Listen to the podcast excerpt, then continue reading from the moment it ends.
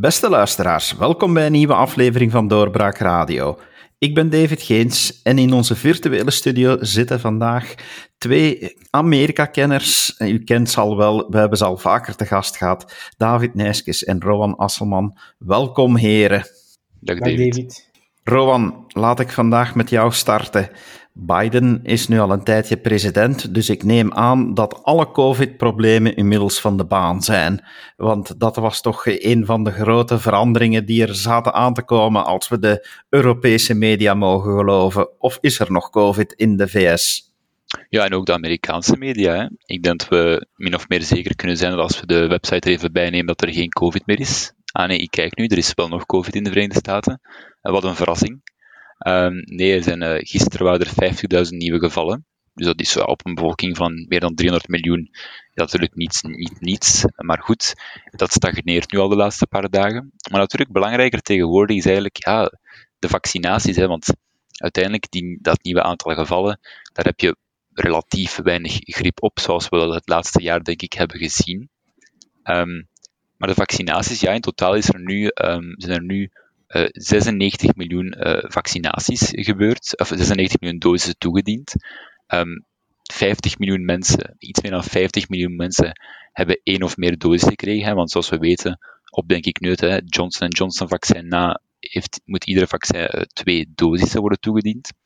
Dus ja, dat, dat loopt daar langzaam los. Dat is 15% van de populatie ongeveer. Um, goed, dat is mooi. Dat was natuurlijk ook al gestart onder de vorige regering. Hè. Dus natuurlijk, iedere regering zal natuurlijk uh, proberen credit te nemen voor zaken die gebeurd zijn tijdens hun regeerperiode. Dus Joe Biden doet dat, Donald Trump deed dat ook. maar eigenlijk, ja, alles loopt daar langzaamaan los. Misschien wel iets sneller dan in België, natuurlijk. Hè. Um, maar ja, uiteindelijk gebeurt er, Operation Warp Speed, daarmee is het allemaal begonnen destijds, onder de regering Trump.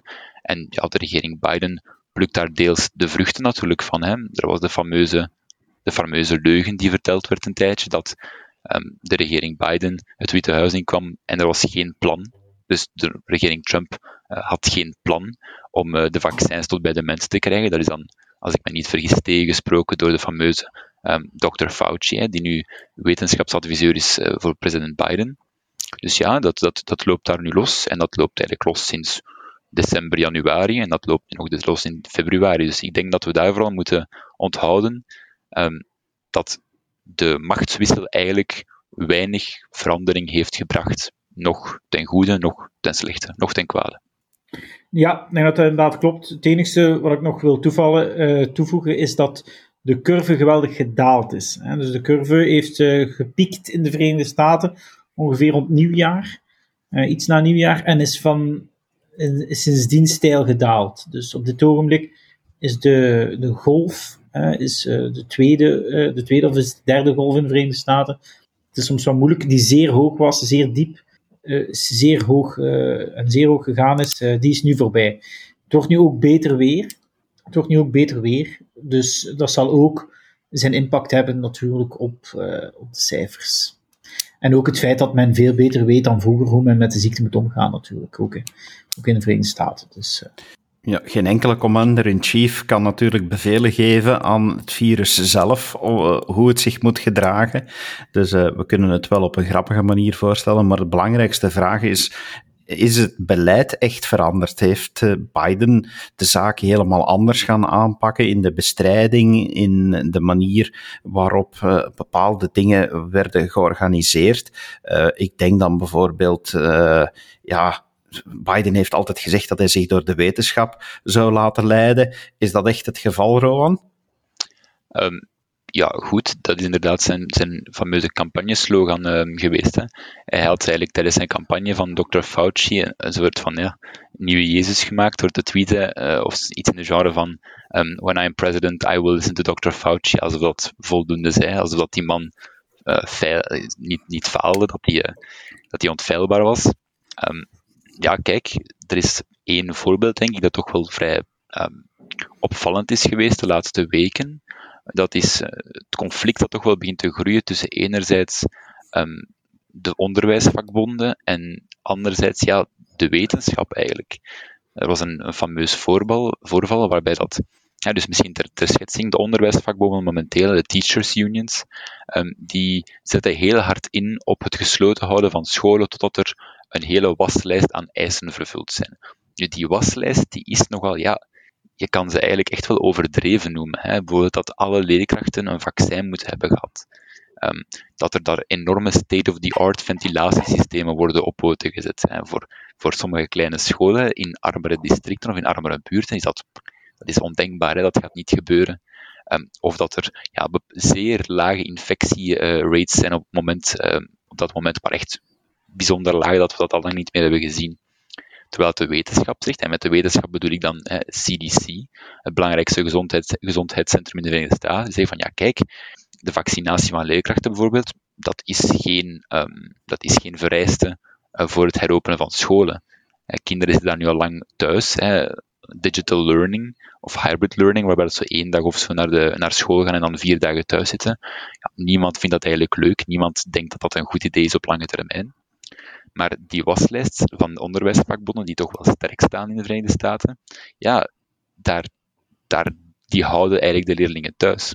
Van Biden wordt er dan gevraagd van, Mr. President, wat denkt u van de eisen van de vakbonden, terwijl het uw eigen CDC, uw eigen um, gezondheidscentrum zegt van, ja, kijk, eigenlijk is dat allemaal niet nodig, die, die, die enorme eisenlijst, die is overdreven. Biden kan daar geen antwoord op geven, want nogthans de wetenschap ging leiden. Nee, het geld leidt, ook bij de democraten. En zeker de politieke invloed die die uh, onderwijsvakbonden hebben. Dat zijn belangrijke steunpilaren van de Democratische Partij. Of toch belangrijk, dat, een, dat zijn steunpilaren van de Democratische Partij.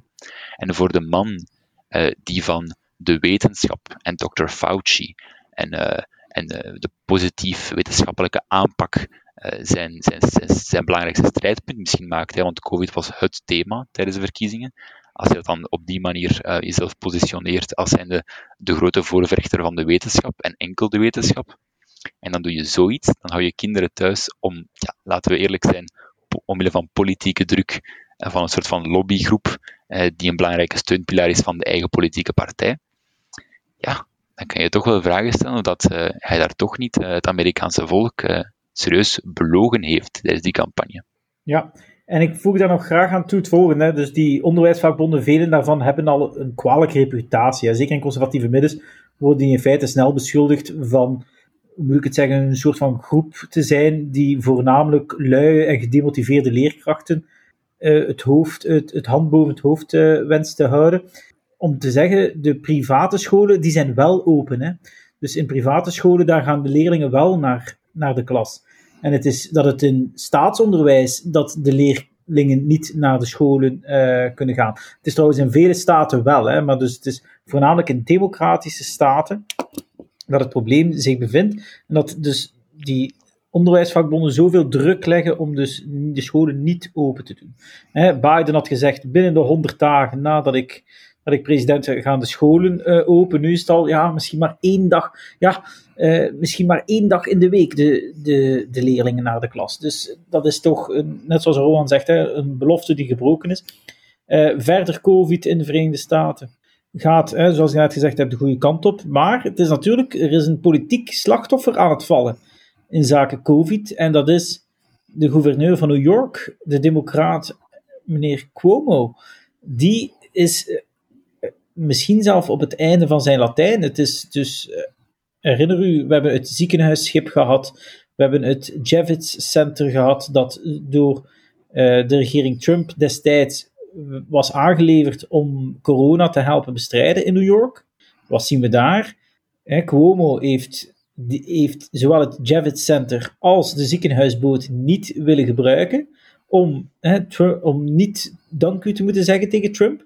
Hij heeft effectief dus de, uh, de zieke mensen hè, heeft hij in bejaardentehuizen gestoken. we weten allemaal wat daar gebeurd is uh, met COVID. En ondertussen komt nu uit, en dat is nog een keer het extra politiek kwalijke, dat hij doelbewust gelogen heeft over, over de cijfers. Dus ze hebben de cijfers onder de mat geveegd ze hebben gezegd dat er minder doden waren in de bejaardentehuizen, terwijl dat er dubbel, dubbel zoveel waren als dat ze gerapporteerd hadden. Dus, dus die komen zit met een immens schandaal. Zit terzelfde tijd ook nog met een, uh, een, een, een, een, een verhaal van seksuele agressie ten opzichte van, uh, ten, opzichte van medewerkers van Cuomo.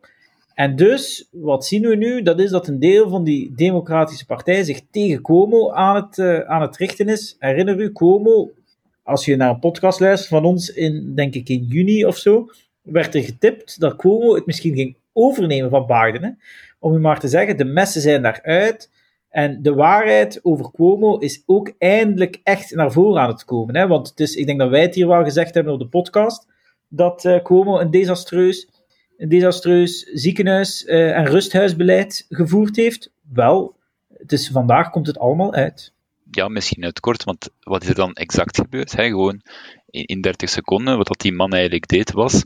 Um, dus het aantal uh, bewoners van rusthuizen die sterven, die werden geteld. Maar wat hij deed was, als iemand niet letterlijk stierf in een rusthuis, maar bijvoorbeeld werd overgebracht naar een ziekenhuis, daar stierf, natuurlijk wel het virus heeft opgedaan in het rusthuis, daar er tot hij de laatste 24 uur bij wijze van spreken gewoond heeft, dan wordt verplaatst omdat de symptomen zo ernstig worden. Maar de persoon kon nog wel verplaatst worden, dus zo erg was het dan nog niet.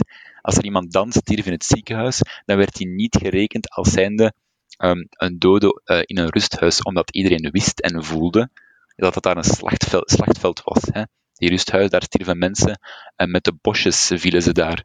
Um, dus dat is daar gebeurd. En dat werd in conservatieve media eigenlijk al een tijdje over bericht. Hè. Niet over het exacte procent, want het is tot wel 50% te laag eigenlijk, het aantal uh, doden in, uh, in rusthuizen. Zo groot kan het, kan het cijfer zelfs zijn, of het verschil met de werkelijkheid. Um, maar in conservatieve medisch werd daar eigenlijk over bericht dat bijvoorbeeld Como hij inderdaad de richtlijn had gegeven om mensen die um, COVID hadden opgedaan, uh, bewoners bedoel ik dan, uh, die, die het hadden opgedaan om die terug te moeten opnemen in het rusthuis. Wat natuurlijk, ja, dat is, dat is het virus opnieuw binnenbrengen in een rusthuis, net nadat het er misschien even uit was. Dus ja, dat is, dat is een man die inderdaad tot voor kort als, als een prominente figuur werd getipt. Hè. Die werd ook wel eens gezien als misschien de nieuwe minister van Justitie um, in de federale regering van Biden. En ja, dat is nu allemaal gedaan. En misschien nog heel kort op het onderwijsverhaal. Een van de vervelende uh, gevolgen van dat systeem, want David had het daar juist uh, goed aan. Private scholen zijn wel nog open, maar wie zit er in publieke scholen?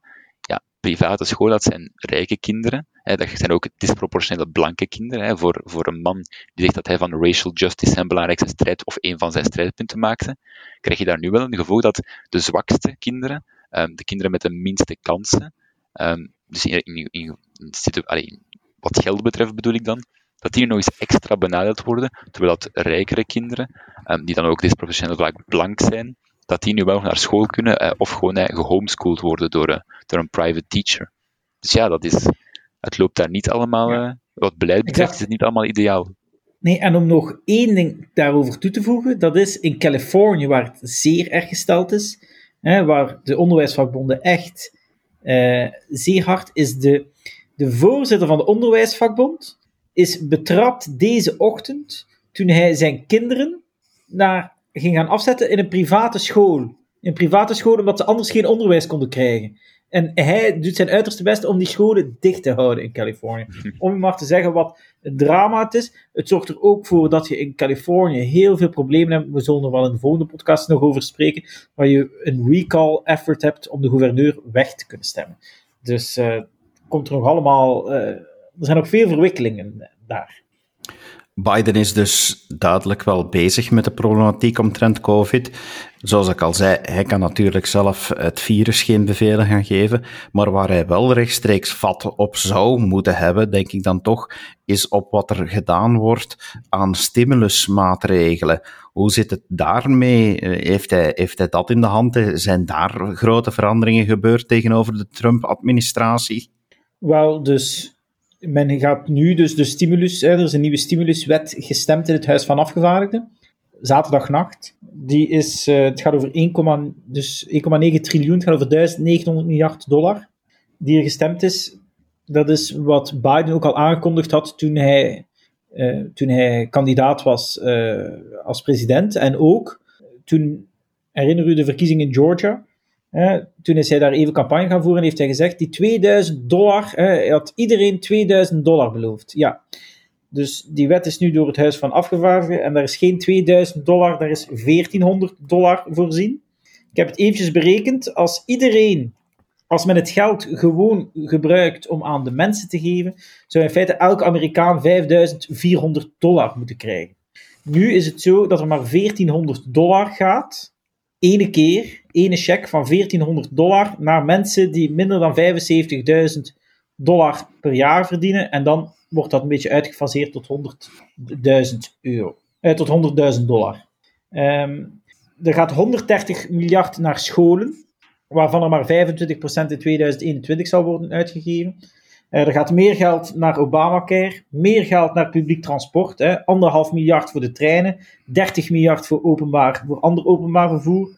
Uh, er gaat 350 miljard, en dat is bij Democraten, bij Republikeinen, is dat de zeer zware pil, uh, waar, en waarom zij zeer hard tegen zijn, dat er 350 miljard naar staten en steden gaan. En voornamelijk naar staten die zogenaamd uh, zwaar geleden hebben. Ja, dat, is voornamelijk, dat zijn voornamelijk democratische staten die, uh, die zwaarder geleden hebben, dat ze daar hardere COVID-maatregelen genomen hebben. En dan staat er nog één, één zaak in, en dat is dat minimumloon van 15 dollar. Dus het, het federale minimumloon wordt dus opgetrokken van 7,25 dollar naar 15 dollar. Nu goed, dat laatste, dat is dead on arrival in de Senaat. Dus in principe, hè, dus men gaat deze, uh, deze wet goedkeuren via de zogenaamde uh, verzoeningsprocedure, waardoor er maar een simpele meerderheid, meerderheid nodig is in de Senaat. Dus dat wil zeggen, uh, de Senaat is 50-50 verdeeld met de tie-breaking vote voor de vicepresident. daar gaat men dus, dus die stemming houden, maar daar heeft dus de democraat Joe Manchin, en dat is een naam die de komende maanden en jaren nog veel zal vallen bij ons. dus de democraat Joe Manchin. Joe Manchin is verkozen, de democraat is democraat verkozen in West Virginia. West Virginia is Trump country. Trump, eh, daar maakt hij zijn grootste verschil. Daar wint hij met het grootste verschil. En met die Joe Manchin is dat het stok verkozen. Dat is een beetje een oude democraat. dat is een democraat die, laten we zeggen, iets cultureel conservatiever is. maar wel graag... Uh, uh, overheidsprogramma's en dergelijke meer uh, heeft. Hè. Dus dat is een soort van Joe Manchin. Uh, zo ongeveer, daar moet gaan politiek situeren. Joe Manchin heeft gezegd, die 15 dollar, dat, dat minimumloon, dat komt er niet, omdat dat natuurlijk heel veel jobs gaat kosten. aan veel mensen die op, die op dit ogenblik, ja, veel bedrijven die zeggen, ja, wij kunnen die 15, die 15 dollar per uur niet betalen. Dus ja, dan gaan wij gewoon geen mensen te werk stellen.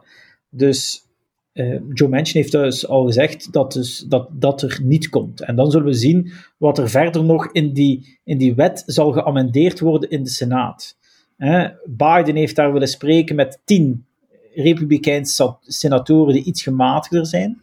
De kritiek van die tien was van, er werd in feite niet naar ons geluisterd. Uh, zij hadden een alternatief, een alternatief voorzien van 600 miljard dollar, met voornamelijk directe steun naar mensen er wordt, wordt dan uh, gezegd dat in feite dus de echte machthebber in het uh, Witte Huis de stafchef zou zijn. Uh, de heer Klein noemt hij. hij zou de, de ware machthebber zijn in het Witte Huis. En hij zou gezegd hebben: nee, we moeten big en bold gaan. Dus daarom dat er zo'n zwaar pakket nu ligt. Ja, gewoon twee aanvullingen daarbij. Ten eerste, het, het cijfer um, is 1,4 miljoen. Dat is het aantal jobs dat zou verloren gaan um, als de 15 dollar minimum wage wel degelijk wordt doorgedrukt. Dat is um, een cijfer dat berekend is door de Congressional Budget Office. Dat is een, non, dat is een niet partijgebonden um, parlementair orgaan eigenlijk. Uh, dus dat is natuurlijk. Uh, dus de, de lonen zouden verhogen, maar voor mensen die nu onder minimum wage werken en die enigszins die enigszins kunnen worden uh, die men kan laten afvloeien, hè, die niet hoogst nodig zijn, of gewoon omdat zodat, ja, bedrijven het niet kunnen trekken. Um, die twee redenen, dat zouden dus de mensen zijn, het aantal mensen dat hun job zou verliezen. Dat is de berekening. Ten tweede, wat David daarnet zei over um, um, die 350 miljard voor staten en steden, misschien ter verduidelijking daar, want waarom is dat eigenlijk, het is niet het klopt dat het vooral democratische staten zijn en dat die ook inderdaad hardere maatregelen moeten nemen. Maar een van de redenen waarom republikeinen en zeker republikeinen met een, met een fiscaal-conservatieve inslag daar geen grote fan van zijn, is eigenlijk een beetje om dezelfde reden dat het moeilijk is om bedrijven steunmaatregelen te geven. Want een van de gevolgen van steunmaatregelen die onvoldoende getailerd zijn hè, naar bepaalde bedrijven toe, is dat je ook eigenlijk bedrijven op het randje van faillissement gaat helpen. Bedrijven die eigenlijk in natuurlijke omstandigheden, dus in non-COVID omstandigheden, ook failliet zouden gaan, maar die dan wel drijvende worden gehouden uh, door overheidssteun. Je hebt dat ook een beetje in die democratische staten en steden die eigenlijk moesten staat, en dat kan eigenlijk soms wel, maar die eigenlijk op het randje van het faillissement staan, die een bepaalde ja, beslissingen hebben genomen die ervoor zorgt dat hun staat jaar na jaar in het rood draait, dat die constante begrotingstekorten hebben, dat die nu plotseling een, allez, een grote smak geld gaan krijgen, in theorie ter bestrijding van COVID, maar eigenlijk dat dat zo'n sommen gaan zijn die hun eigenlijk ja, ook voor niet-COVID-redenen die, dat die zullen worden aangewend en dat die eigenlijk een beetje staten redden die misschien op bepaalde vlakken de redding niet verdienen. En dat zijn inderdaad doorgaans eh, democratische staten waar, grotere, waar veel grotere overheidsprogramma's zijn, waar veel grotere uitgaven zijn eh, dan in republikeinse conservatieve staten. Dus dat is ook wel een belangrijke overweging daar van republikeinse eh, parlementsleden.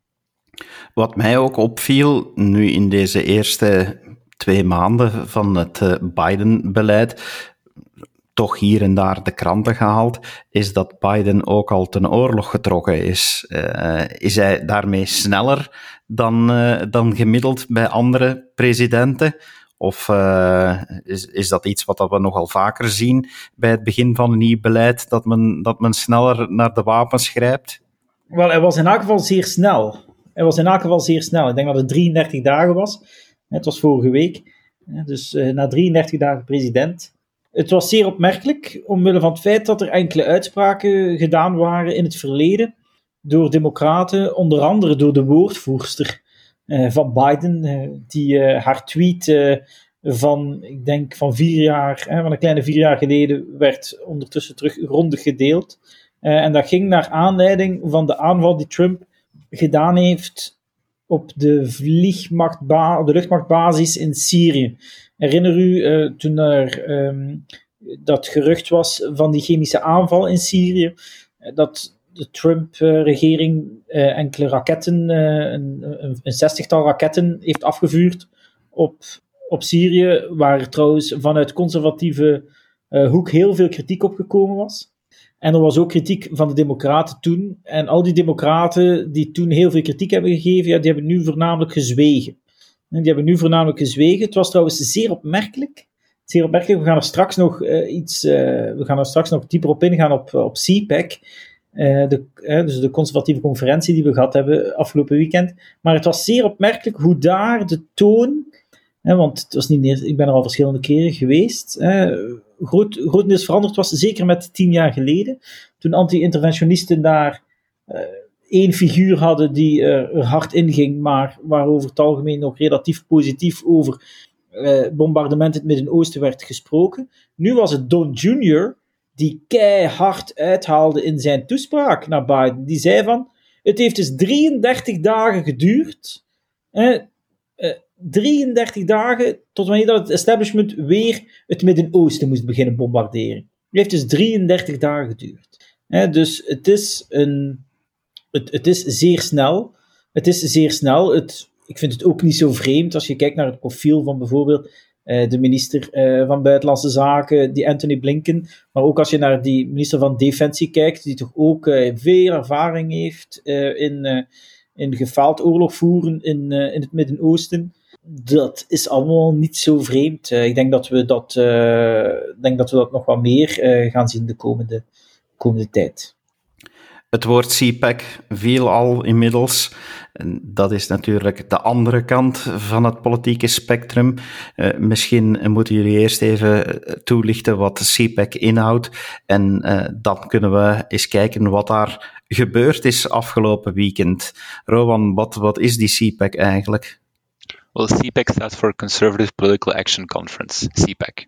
En dat is een jaarlijks gebeuren. Um, dat is een beetje een conferentie, een grote, een grote vergadering, dat duurt verschillende dagen, van conservatieve activisten en republikeinse partijleden. De grassroots, zoals men zal zeggen in de Verenigde Staten. Um, dat is geen partijevenement in de strikte zin van het woord. Hè. Daar wordt niet georganiseerd door de Republikeinse Partij, niet door de Republic, Republican National Committee, de RNC, ehm, maar wel door ja, een private groep eigenlijk, uh, die ideologisch wel verwant zijn aan de Republikeinse Partij, maar die staan daar wel nog buiten. Um, met dit soort evenementen wordt er dan geprobeerd ja, om.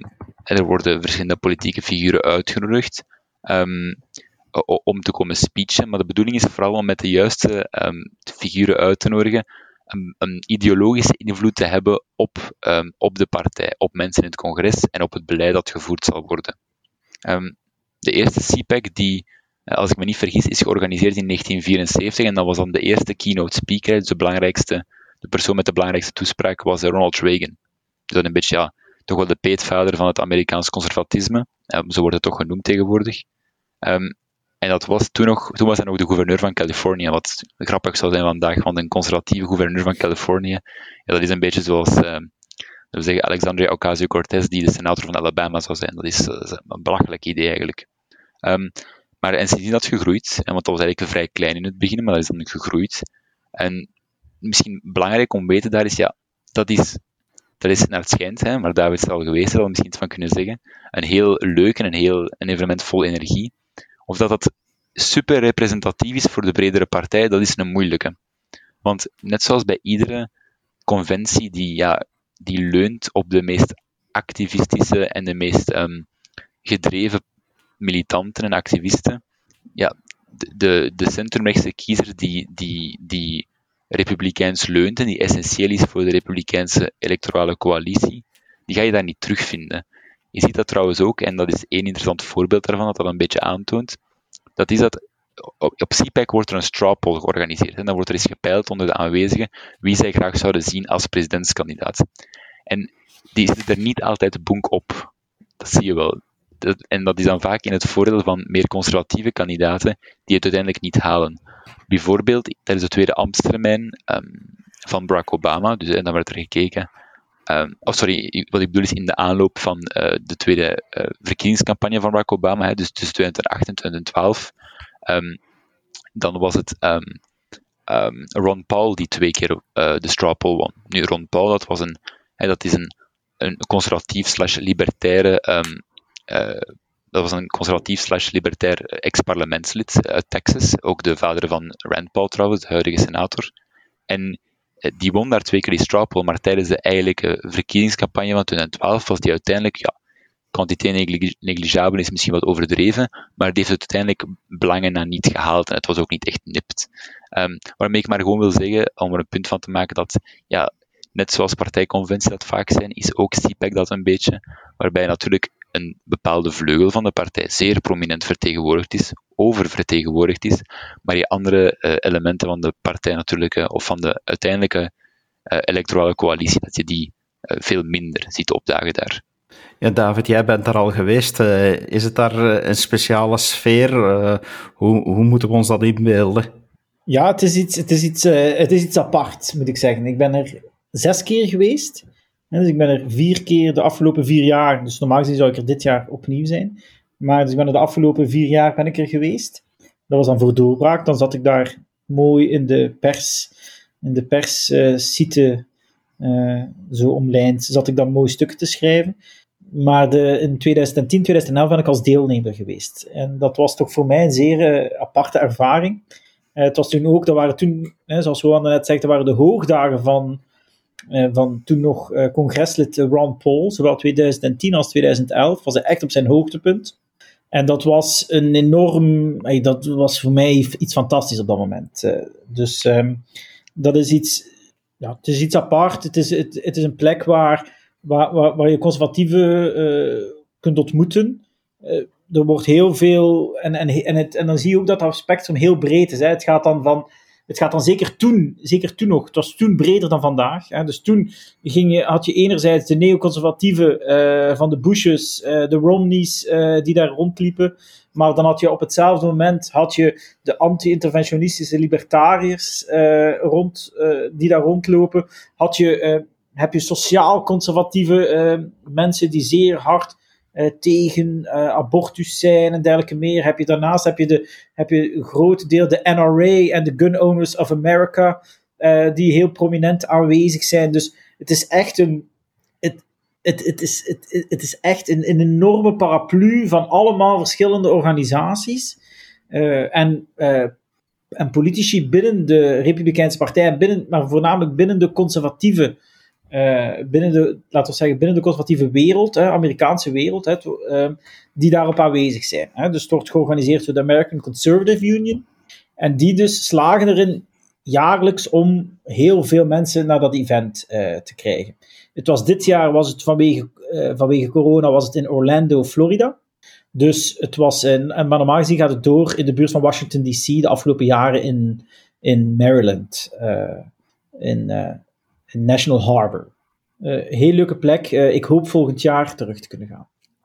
Dit jaar was het toch blijkbaar wel heel bijzonder, want de, ik weet niet, was hij keynote speaker, maar toch blijkbaar wel een van de, de belangrijkste aangekondigde sprekers was ex-president Trump. klopt, hè? Jazeker. Ja, hij heeft gisteren gesproken.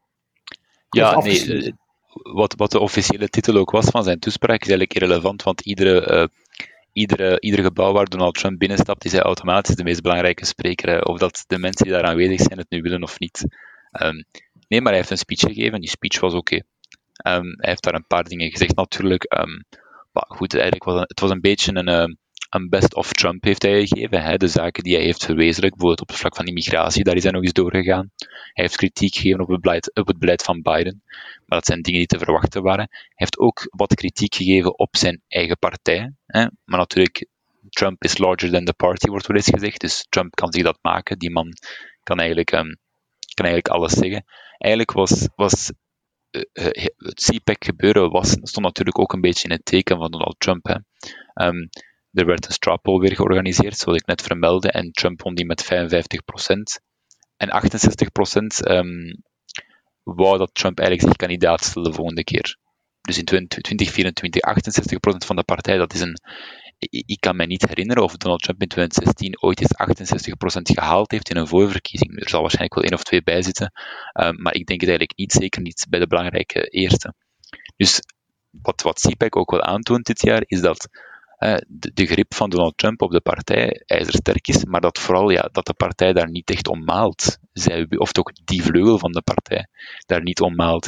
Zij willen Trump tijdens de, tijdens de toespraak stonden zij ook verschillende keren recht, roepend we love you, we love you. Het gaat hier over een politicus, hè, niet over een familielid dat heb ik nog niet gezien. Ik kan mij niet voorstellen dat er um, op het partijcongres van de Open VLD, wanneer Alexander de Croo speech, dat dan de, de partijbasis daar recht staat en zegt, we love you Alexander. Dat, is, klinkt misschien een beetje lachwekkend, maar dat is het ook. En eigenlijk is het ook niet, ja, je kan zeggen dat is eigenlijk ook niet gezond natuurlijk, dat er zo'n adoratie is voor een politicus. Maar goed, dat even terzijde. Um, ja, CPAC 2021 was een beetje de kroning um, van Donald Trump. Wat opvallend is, want als je erover nadenkt, dat is een man die net een verkiezing verloren heeft. De, beide politieke bij, sorry, beide politieke partijen die maken er een goede gewoonte van, van hun verliezers in presidentsverkiezingen zo snel mogelijk aan de kant te schuiven. Um, je zag dat eigenlijk met Mitt Romney in, 20, in 2012 bijvoorbeeld. Natuurlijk, die man is geen president geweest en was ook nooit super populair bij de basis maar die werd een beetje, die werd een aan de kant geschoven. Je ziet het ook met andere verliezers. Hè. Al Gore in 2000, die man is dan wat films gaan maken en dat is het ook. Um, dus dat een verslagen presidentskandidaat, oud-president natuurlijk, maar dan een verslagen president enkele maanden na, uh, enkele maanden na zijn verlies nog op, op zo'n adoratie en toewijding kan rekenen uh, van zijn eigen partij, ja, dat voorspelt voor hem dan veel goeds naar 2024 toe. Ja. Ik wil er graag toevoegen dat waarschijnlijk de reden is, uh, wat, en dat is de reden die, die Rowan altijd gegeven heeft. Rowan heeft altijd gezegd, heel vaak al gezegd in deze podcast, van Trump, de man is niet populair, maar het beleid was wel zeer populair. En wat zien we net op CPAC? Dat je daar met, met de twee, dus dat de twee samenkomen, met dat verschil dat het ene samenkomt van het beleid is zeer populair. En ten tweede, de man is zeer populair. Dus je, je krijgt in feite die twee zaken, zijn er van één, het beleid is populair. En twee, de man is heel populair. Ja, ik denk dat Trump is een politieke oerkracht. Hè. Het is een politieke oerkracht die we in ons leven niet vaak gaan tegenkomen. het is waarschijnlijk een unieke, een, een, een uniek figuur. En het, hij heeft natuurlijk voor een groot stuk die conservatieve beweging. Het was Donald Trump Jr. die zei TPAC, hè, dus Trump Political Action Conference. Ik moet zeggen, toen ik naar die speech aan het kijken was, vond ik dat een klein beetje misplaatst. Maar hij, had natuurlijk, heeft natuurlijk wel voor een groot deel gelijk. Veel van die mensen daar uh, zijn daar voor Trump. En Trump heeft echt, hoe moet ik zeggen, heeft echt die. Um, ja, hij heeft echt geleverd. Hè? Hij heeft geleverd voor de conservatieve beweging in de Verenigde Staten. Dus het is in feite niet zo moeilijk hoor. Dus het is iemand die geleverd heeft. Kijk naar Ronald Reagan. Ronald Reagan was ook mateloos populair op, uh, op CPAC. Uh, toen ik ging in 2010, 2011. Uh, de, het moment dat Ronald Reagan daar vernoemd werd, ging iedereen, was het, ging iedereen spontaan, spontaan applaudisseren. Hè? En dus je gaat met Trump hetzelfde krijgen. Het is, maar Trump is geen George W. Bush. Hè? Dus inderdaad, George W. Bush is nooit meer naar CPAC gekomen. Hè? Hij is op dit ogenblik ook niet welkom. Hè? Dus de afgelopen jaren toen ik daar was, ik was in de zaal, op het moment dat de Bushes vernoemd werden, had je, in het begin was er nog, had je zo wat spontaan boegeroep.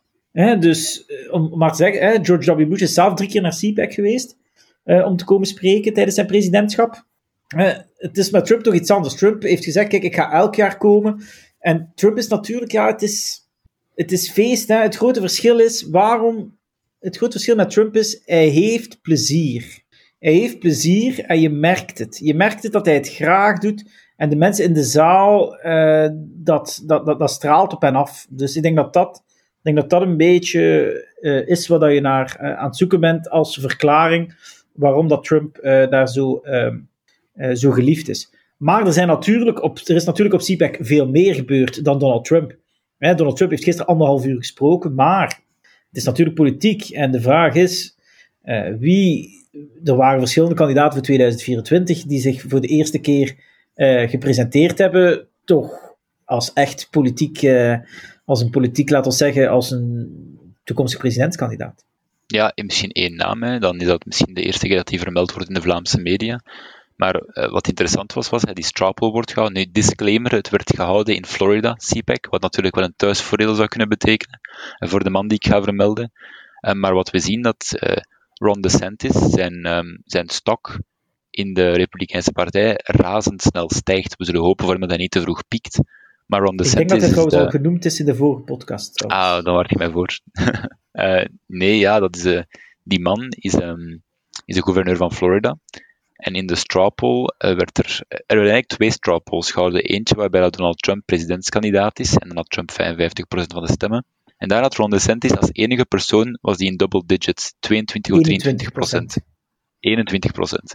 Ja. En als we um, Trump eruit halen, dan zat uh, Ron DeSantis veruit, Ron DeSantis veruit eerste in de 40 procent.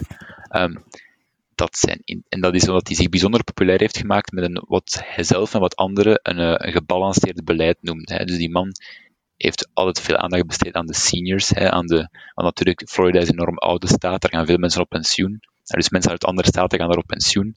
Um, die heeft altijd heel veel aandacht besteed aan de seniors en die heeft altijd geprobeerd in ieder geval om voldoende uh, die balans te maken of die afweging te maken tussen vrijheid en veiligheid. En daar zijn Amerikanen, zeker conservatieve Amerikanen, bijzonder gevoelig voor. Dus ik, ik, ik ben al een tijdje van plan om een artikel te schrijven voor doorbraak, eh, de Florida Boys of zoiets, want de kans dat eh, de volgende republikeinse presidentskandidaat uit, de, uit, de, uit, de, uit Florida komt, is bijzonder groot. Je hebt daar nog andere figuren, maar dat, uh, daar zal ik dan wel eens over schrijven. Maar die Ron DeSantis, ja, dat wordt uh, een, een van de mensen, of een van de mannen om, om in de gaten te houden de komende jaren. Ja, en omdat je, ik wil nog eventjes toevoegen, hè, over Ron DeSantis, je merkt dat er bij de Republikeinen, uh, het wordt tijd dat er nog eens een gouverneur uh, presidentskandidaat is. Iemand die al uh, geregeerd heeft. ik denk dat ze daar een beetje op zitten azen. Ehm, Donald, Rowan heeft daarnet gezegd, hè, DeSantis, DeSantis echt een op, opkomende figuur. Hè, dus ook wel zeggen, eerlijk zijn, hij heeft natuurlijk geluk dat hij in Florida uh, gouverneur is. Hè. Covid in Florida was natuurlijk in de zomer problematisch, omdat dan de mensen binnenkruipen om, eh, aan, uh, aan het airconditioningapparaat. Uh, maar ja, in de winter is het daar zeer aangenaam en zijn de mensen voornamelijk buiten. Hè. We hebben ook gezien bij ons in de zomer dat het toch een verschil geeft in COVID. in COVID gevallen. Ehm, nog, een nog één iemand anders die ik nog. er, waren, er waren nog enkele, enkele andere mensen. Ehm, er is een vrouw, hè, Christy Noem. Ik weet niet of ze ook al een keer vermeld hebben. Zeer interessante vrouw, gouverneur van South Dakota. Rijdt in zaken corona een relatief apart, apart traject. Hè. Zoals Juan zegt, vrijheidslievend. Hè. Dus zij heeft geen mask mandate. Ze heeft gezegd van kijk, eh, niet-essentiële winkels, dat bestaat niet. Alle winkels zijn essentieel. Dus alles open. Uh, geen, uh, geen mondmaskers en dergelijke meer. Hè. Christy Noem presenteerde zich op... Zij sprak op zaterdagavond, als ik me niet vergis, zaterdag namiddag. Uh, zij had een heel, heel, interessante, heel interessante speech. ze refereerde, hè, dus enerzijds hè, sprak ze de Trump-aanhang aan. Hè, dus dat was zeer belangrijk. Ze zette Trump in de bloemetjes en dergelijke meer. Maar we ook wel terugkeren naar meer conservatieve principes, zoals een begroting in evenwicht en dergelijke meer. Dus uh, dat was een, een heel. Die Christy Noem kwam trouwens uh, ook in die straw twee keer als derde uit. Hè. Eén keer 4% en dan zonder Trump op 11%. Hè, dus die Christy Noem, dat zijn toch twee, DeSantis en Noem, twee gouverneurs. Twee mensen die echt up and coming zijn. Een jaar geleden uh, DeSantis, ja, had iedereen van gehoord, omdat DeSantis uh, natuurlijk uh, een harde gouverneurscampagne heeft moeten voeren in Florida, twee jaar geleden. Maar die Christy Noem, die was relatief onbekend. Ze zei het zelf in haar speech. Ze zei, een jaar geleden had niemand mij hier, kende niemand mijn naam. En dus die heeft, door corona is die in feite, is, is dat een nationale figuur geworden. Dus ja. DeSantis Noem zijn de twee mensen op dit ogenblik die naast Trump uiteraard, uh, te volgen zijn voor 2024. Maar alles hangt af van volgend jaar. In 2022 moeten beide zich her, herverkiesbaar stellen als gouverneur. Dus we zullen het dan uh, wel zien. Hè. Um, ik zou nog één dingje willen toevoegen over CPAC. Ja, als we kijken, ja, Mike Pence was er niet. Hè. De vicepresident van Trump was er niet. Uh, kwam ook in die straw polls, uh, kwam er in feite niet goed, uh, niet goed naar voren, terwijl dat hij in feite, je moet weten, Pence is een beetje, een, een, is een beetje de darling van, van CPAC Amerika. Hè. Zeker tien jaar geleden. Hij had dus uh, de American Conservative Union, die geven ook een rating aan alle congresleden. Uh, Pence, die zat daar op 99 procent. Dus dat hij volgens conservatieve principes meestemde, had zelf enkele jaren 100% gehaald. Om maar te zeggen dat Mike Pence daar in principe, ja, dat is, hij is een beetje een kind, een kind, uh, kind aan huis daar. Hè. Dat zijn ook echt zijn mensen. Dus, um, voilà. En uh, over issues, hè, nog één ding, ja, election integrity. Het ging heel veel over uh, de integriteit van verkiezingen en hoe men die, uh, want ja, bij Republikeinen is, is er een algemene malaise. Uh, het, het, gevoel dat er een algemene malaise is in het kiessysteem. En er werd heel veel aandacht besteed inhoudelijk naar hoe men dat toch beter terug kan, kan organiseren in de Verenigde Staten. Ik denk dat we daarmee weer een veel beter inzicht hebben gekregen in wat er leeft in politiek Amerika. Dankjewel, Rowan Asselman, David Nijskes, om ons dieper inzicht te geven. Jullie blijven het zeker opvolgen en volgende maand kijken we dan weer eens naar wat er daar gebeurt en uh, welke speciale dingen we zeker moeten vermelden. En u, beste luisteraar, dank wel dat u geluisterd hebt en dat u ook uw licht bij ons bent komen opsteken en hopelijk tot een volgende keer. Dit was een episode van Doorbraak Radio, de podcast van doorbraak.be. Volg onze podcast op doorbraak.be/slash radio of via Apple Podcasts, Overcast of Spotify. Bezoek ook onze website op doorbraak.be en steun ons door een vriend te worden van Doorbraak.